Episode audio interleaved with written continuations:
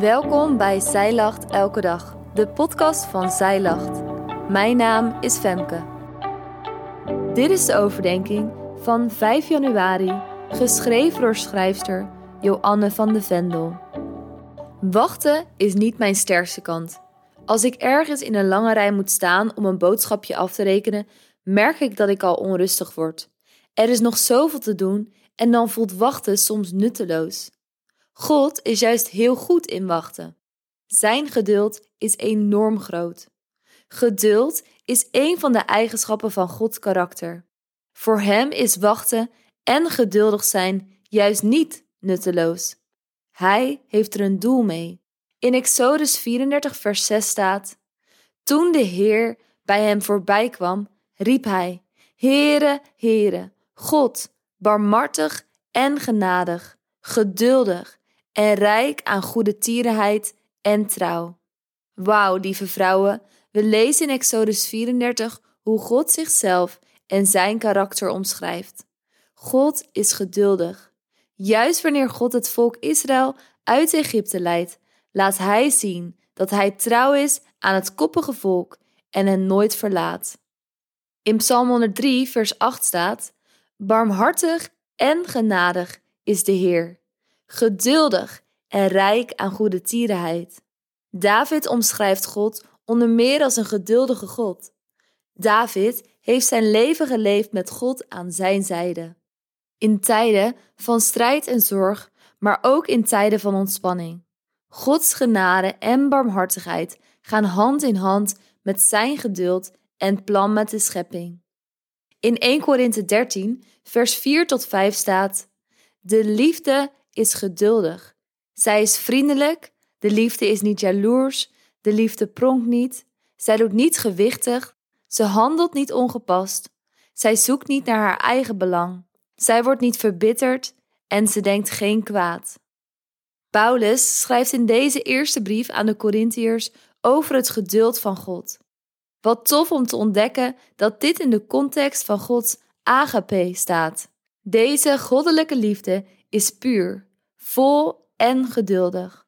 Geduld staat niet voor niets als eerste in het rijtje van de opsomming die Paulus geeft. En in 2 Petrus 3 vers 9 staat: De Heer vertraagt de belofte niet, zoals sommigen dat als traagheid beschouwen. Maar hij heeft geduld met ons en wil niet dat enige verloren gaan, maar dat allen tot bekering komen. God heeft voor alles een tijd. Hij heeft beloofd dat Jezus terugkomt naar de aarde.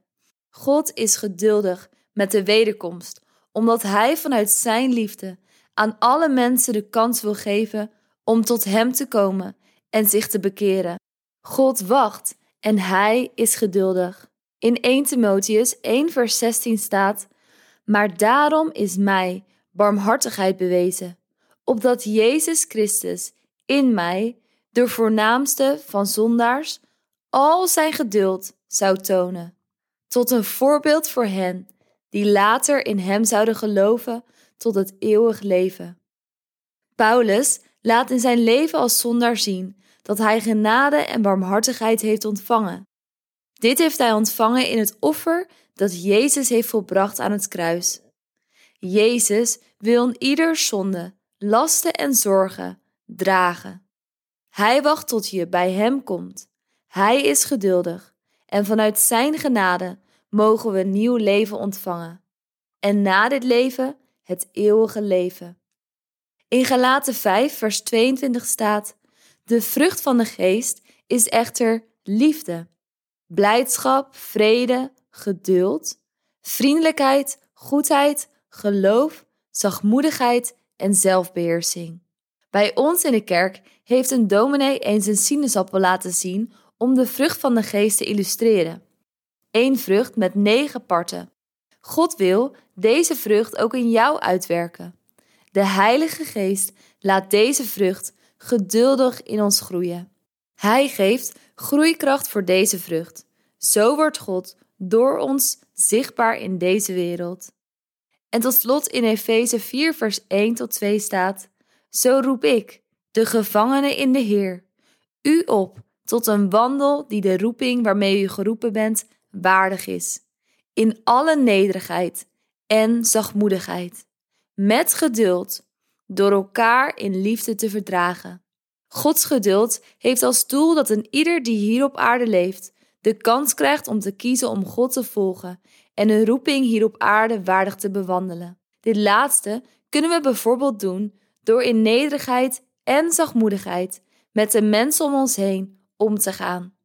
Met bepaalde mensen gaat het al vanzelf. Met anderen vraagt het wellicht wat meer geduld en liefde die God in ons legt. Hij helpt ons. Laat Gods geduld een bron zijn, waar je met Zijn liefde en geduld mee mag werken aan Gods doel voor deze wereld. Voordat je gaat, wist je dat we vanaf 1 januari samen de Bijbel in één jaar zijn gaan lezen? Ik wil jou uitnodigen om dit samen met ons te doen.